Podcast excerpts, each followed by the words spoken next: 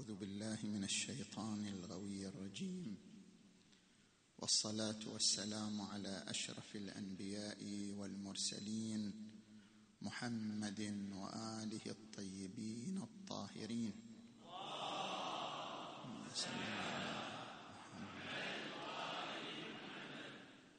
نرفع أسماء آيات التهاني والتبريكات إلى مقام مولانا وولي أمرنا صاحب العصر والزمان.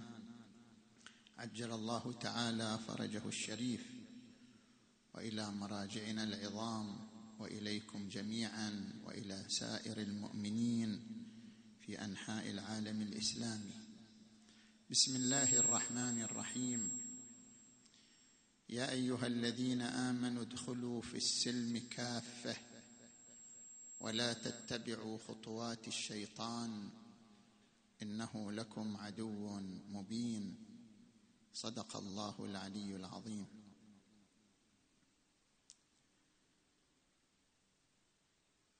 الله تبارك وتعالى سمى نفسه السلام. فقال تعالى هو الله لا إله إلا هو الملك القدوس السلام. المؤمن المهيمن. السلام مبعث الأمن والإطمئنان. السلام كلمة اشتق منها السلم والسلم والسلم. فالسلم هو عبارة عن الانقياد والإستسلام. فإن اعتزلوكم فلم يقاتلوكم وألقوا إليكم السلم أي أنهم استسلموا. وقال تعالى فإن جنحوا للسلم فاجنح لها أي للصلح. وقال تعالى يا أيها الذين آمنوا ادخلوا في السلم كافة ولا تتبعوا خطوات الشيطان. السلم هو عبارة عن التواؤم الاجتماعي والتقارب والتعاطف الاجتماعي.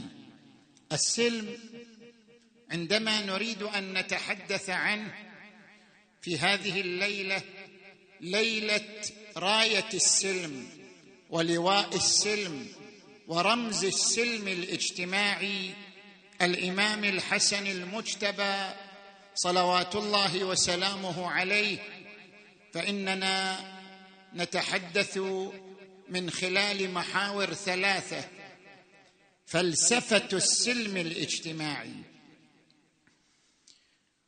والفكر الإسلامي في عنايته بالسلم الاجتماعي ومعالم هذا المبدأ العظيم في شخصية الإمام الحسن المجتبى صلوات الله وسلامه عليه.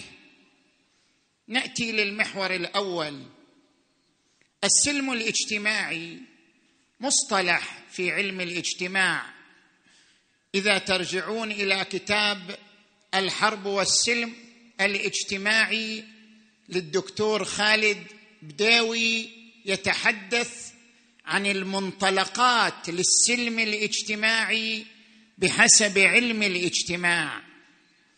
السلم الاجتماعي يرجع إلى عدة عناصر يحتاجها كل مجتمع وتحتاجها كل حضارة. العنصر الأول هناك فرق بين التسامح وبين السلم. التسامح هدنة مؤقتة مسكنات مؤقتة. أما السلم فهو عبارة عن رجوع الكل إلى القيم الإنسانية.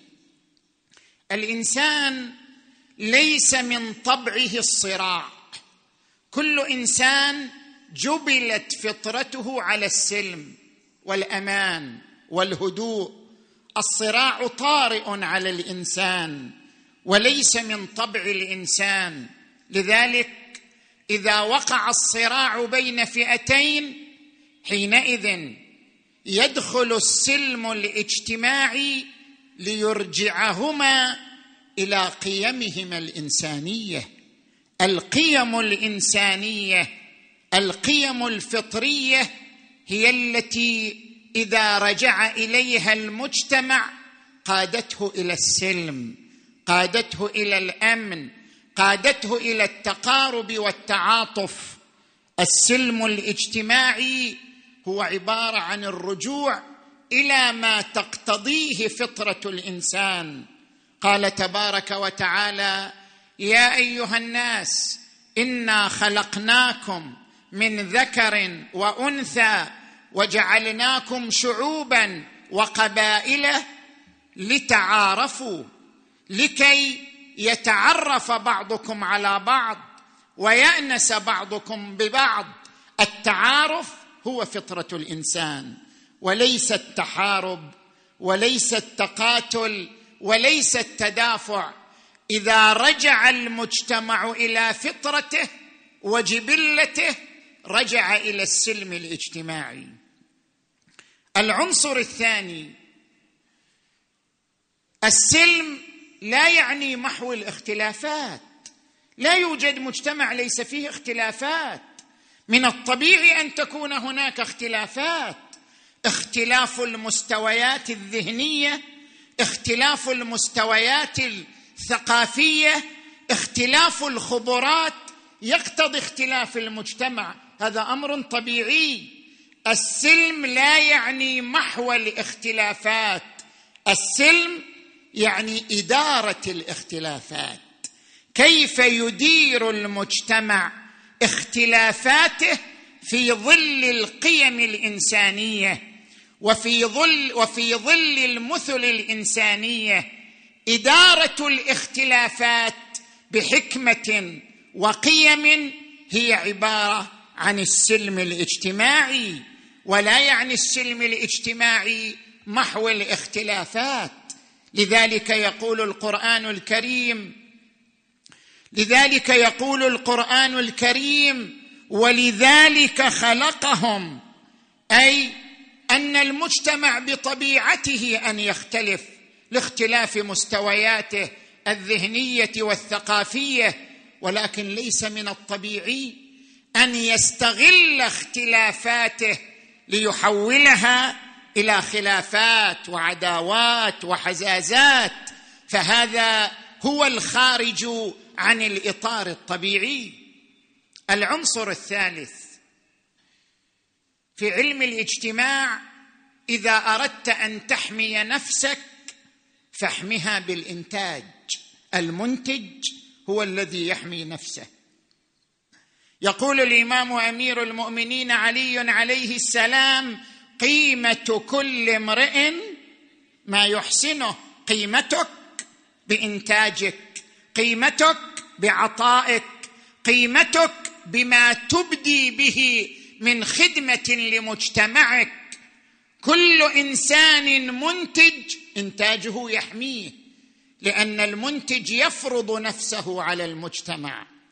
وكل مجتمع منتج يفرض نفسه على المجتمعات الأخرى. الإنتاج يحمي الفرد ويحمي المجتمع.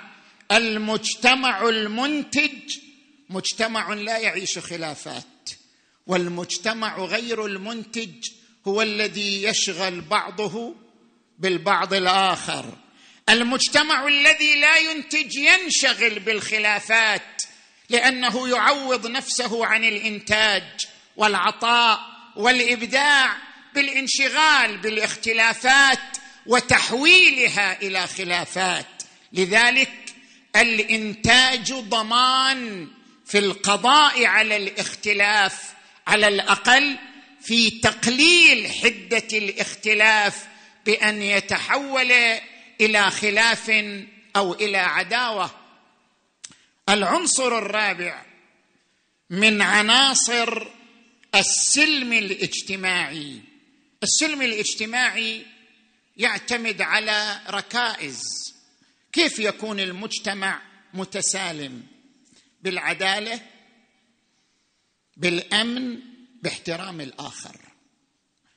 المجتمع الذي يعيش عدالة ويعيش امنا ويعيش احتراما من قبل كل فريق للفريق الآخر هو المجتمع الذي يعيش مبدأ السلم الاجتماعي.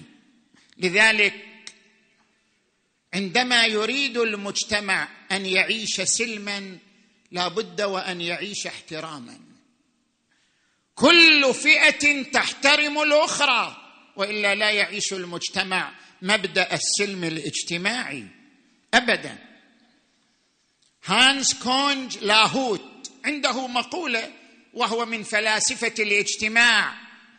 لا تخمد الحروب بين الشعوب حتى تخمد حروب الأديان. ولا تخمد حروب الأديان إلا إذا كان هناك حوار بين الأديان. ولا يكون حوار بين الأديان إلا إذا امتلك أهل الأديان لغة الحوار. إذا كنت تمتلك لغة الحوار إذا كنت تستطيع أن تتحكم في مشاعرك وعواطفك إذا كنت تنظر للأولويات حينئذ تستطيع أن تدير حوارا وإذا استطعت أن تدير حوارا استطعت أن تؤسس إلى سلم اجتماعي.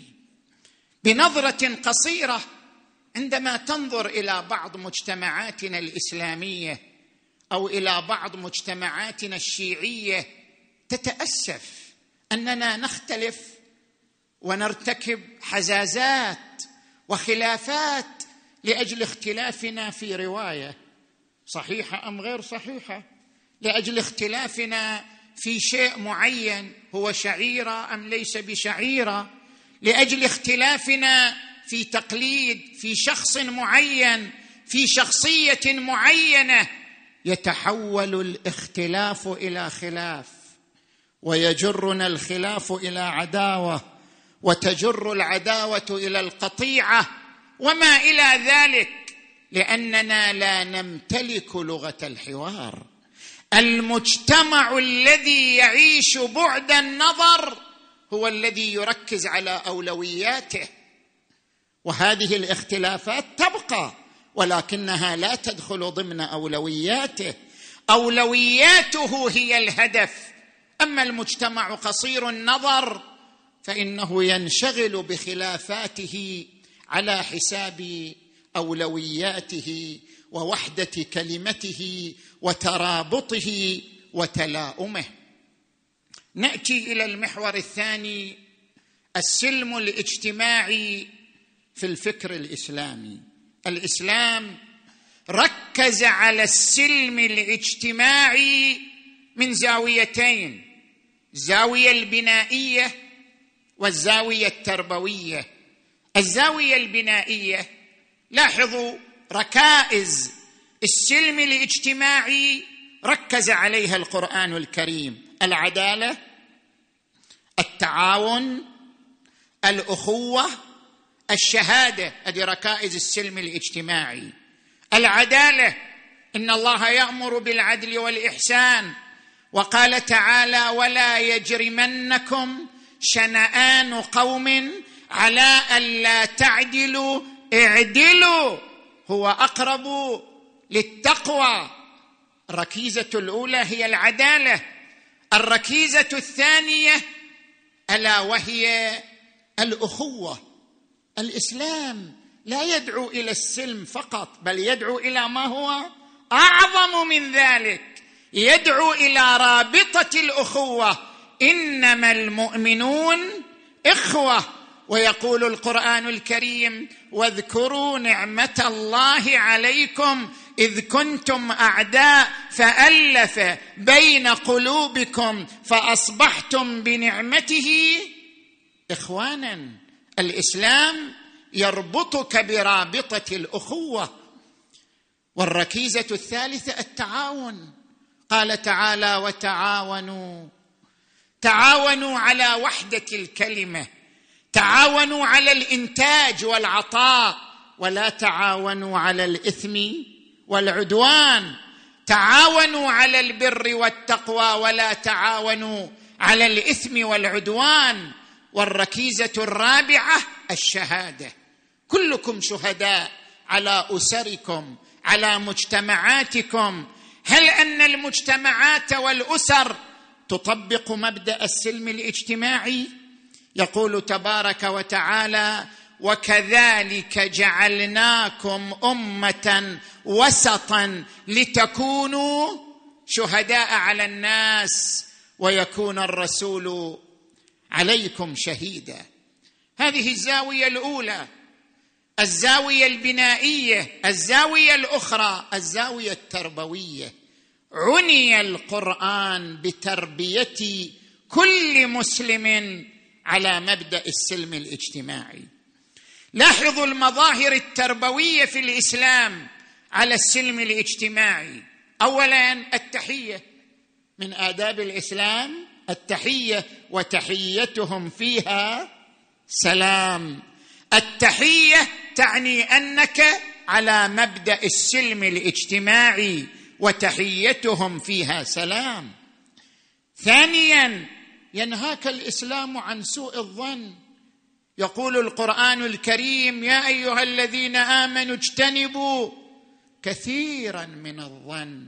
إن بعض الظن إثم. ولا تجسسوا ولا يغتب بعضكم بعضا. أيحب أحدكم أن يأكل لحم أخيه ميتا فكرهتموه؟ وثالثا يأمرك الإسلام بالكلمة الطيبة التي تغرس الحب والألفة وتقتلع العداوة والحزازة عندما يقول القرآن الكريم وضرب الله مثلا كلمة طيبة كشجرة طيبة أصلها ثابت وفرعها في السماء تؤتي أكلها كل حين بإذن ربها ويضرب الله الأمثال للناس ويقول تبارك وتعالى ادفع بالتي هي أحسن لا بالتي هي أخشن. ادفع بالتي هي أحسن فإذا الذي بينك وبينه عداوة كأنه ولي حميم. اذا الإسلام يربينا على مبدأ السلم الاجتماعي. نأتي إلى المحور الثالث. نحن في ليلة رمز السلم الاجتماعي. نحن في حديقة كريم أهل البيت حليم أهل البيت الإمام الحسن المجتبى صلوات الله وسلامه عليه الإمام الحسن المجتبى صلى الله عليه وعلى جده وأبيه وأمه وأخيه والتسعة المعصومين من ذرية أخيه الحسين عليهم السلام الإمام الحسن المجتبى رمز السلم الاجتماعي. ناقشه كما في بعض الروايات الشهيد حجر بن عدي في ما قام به مع معاوية بن أبي سفيان. قال يا حجر إن الأمر الذي اختلفت فيه أنا ومعاوية هو حق لي تركته لإصلاح أمر الأمة وحقن دمائها. وقال إني خشيت أن يجتث المسلمون عن وجه الأرض. فأردت أن يكون للدين ناعي. الإمام الحسن انطلق في صلحه مع معاوية من منطلقات ثلاث. من منطلقات ثلاثة. المنطلق الأول مبدأ السلم الاجتماعي الذي نادى به القرآن. يا أيها الذين آمنوا ادخلوا في السلم كافة. ولا تتبعوا خطوات الشيطان إنه لكم عدو مبين وكان امتدادا لجده رسول الله صلى الله عليه وآله. رسول الله لما جاء إلى المدينة جاء إلى مدينة متحاربة اليهود وغيرهم فأقام صلحا بين اليهود وبين بعض أهل المدينة. وكان هناك صراع بين الأوس والخزرج فعقد بينهما عقد الصلح وعاشت المدينة في حياة رسول الله أجمل وأسمى صور مبادئ السلم الاجتماعي وهو ما ركزت عليه السيدة صديقة الشهيدة فاطمة الزهراء صلوات الله وسلامه عليها وآلها. قالت كنتم مذقة الشارب ونهزة الطامع وقبسة العجلان وموطئ الأقدام. موطئ الأقدام؟ لأنكم منشغلين بخلافاتكم لا تنتجون ولا تبدعون. وموطئ الأقدام تشربون الطرق وتقتاتون القد أذلة خاسئين. فأنقذكم الله تعالى بأبي محمد.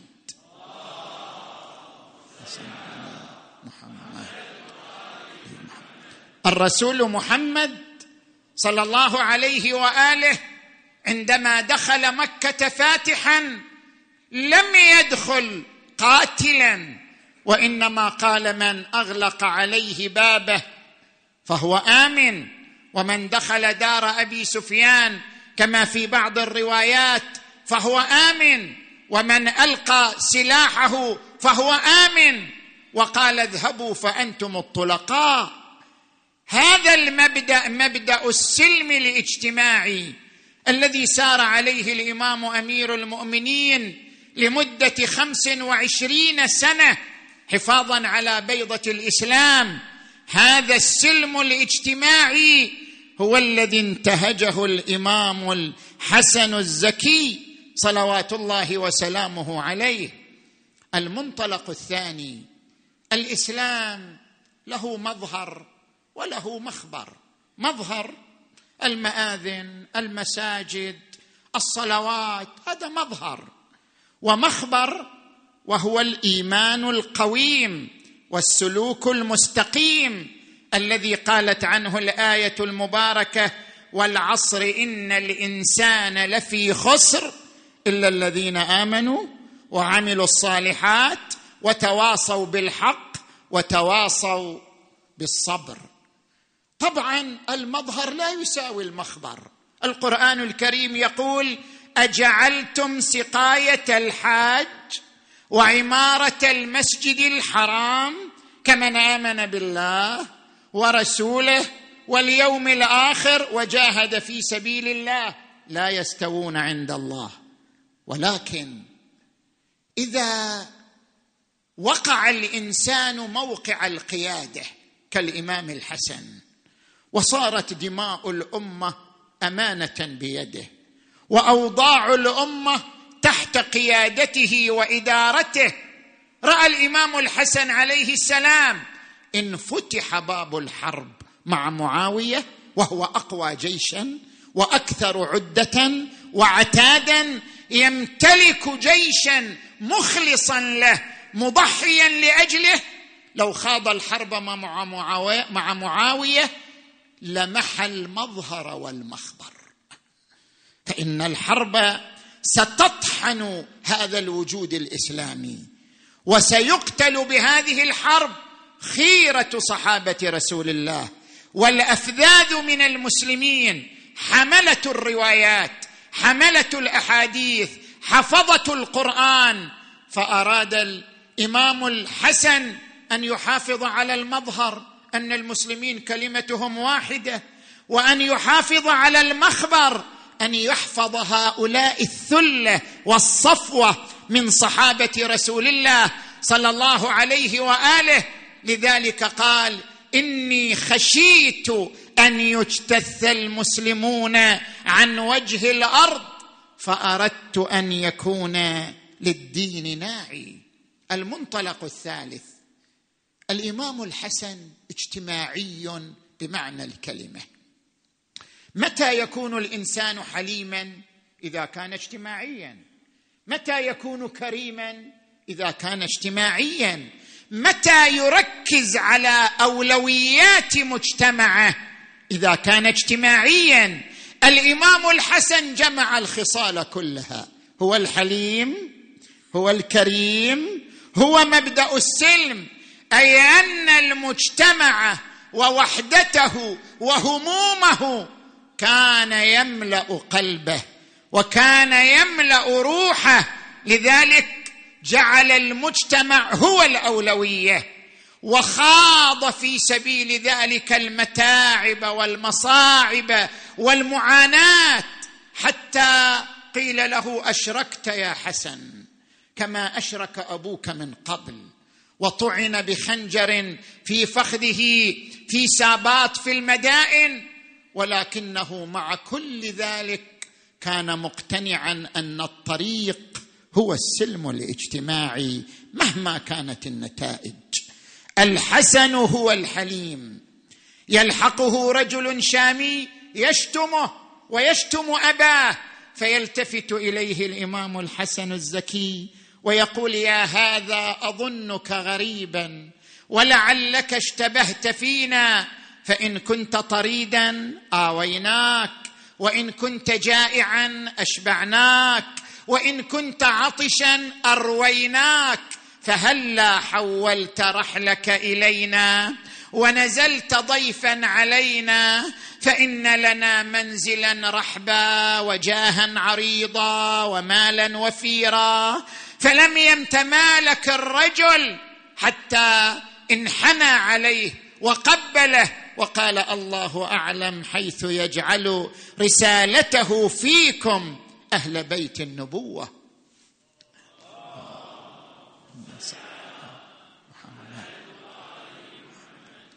والإمام الحسن هو الكريم الذي يطرق بابه السائل ويقول لم يخب الان من رجاك ومن حرك من دون بابك الحلقة أنت جواد وأنت معتمد أبوك قد كان قاتل الفسقة لولا الذي كان من أوائلكم كانت علينا السماء منطبقة فأخرج إليه صره الدراهم والدنانير ولم ينظر في وجهه لئلا يرى حياء المسألة على وجهه. قال خذها فإني إليك معتذر واعلم بأني عليك ذو شفقة. لو كان في سيرنا الغداة غطا كانت سمانا عليك مندفقة. لكن ريب الزمان ذو غير والكف مني قليلة النفقة وتبرع بأمواله كلها ثلاث مرات في حياته. وكان يغدق كل ما عنده على الفقراء والمساكين. وكان يقول نحن أناس نوالنا خضل يرتع فيه الرجاء والأمل تجود قبل السؤال أنفسنا خوفا على ماء وجه من يسأل لو علم البحر فضل نائلنا لغاض جدبا وإنه خجل. الإمام الحليم الإمام الكريم الإمام مصدر الصلح والسلم الأهلي الاجتماعي. والله لو قاتلت معاوية لأخذوا بعنقي حتى يأخذوني إليه سرا فلئن أسالمه وأنا عزيز أحب إلي من أن يقتلني وأنا أسير أو يمن علي فتكون سبة على بني هاشم لا يزال يمن بها معاوية هو وعقبه على الحي منا والميت. للزكي بن فاطم سبط طه مكرمات اعيا الورى إحصاها فلتقصر في مدحه شعراها. حسن نجل حيدر مجتباها قد حوى كل ما حوت أنبياها.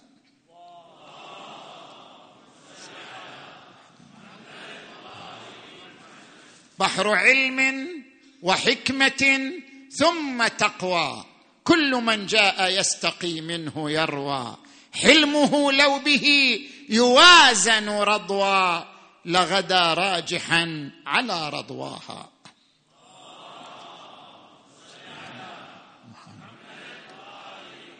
بلغ العلا بكماله كشف الدجى بجماله حسنت جميع خصاله. صلوا عليه وآله والسلام عليكم ورحمة الله وبركاته.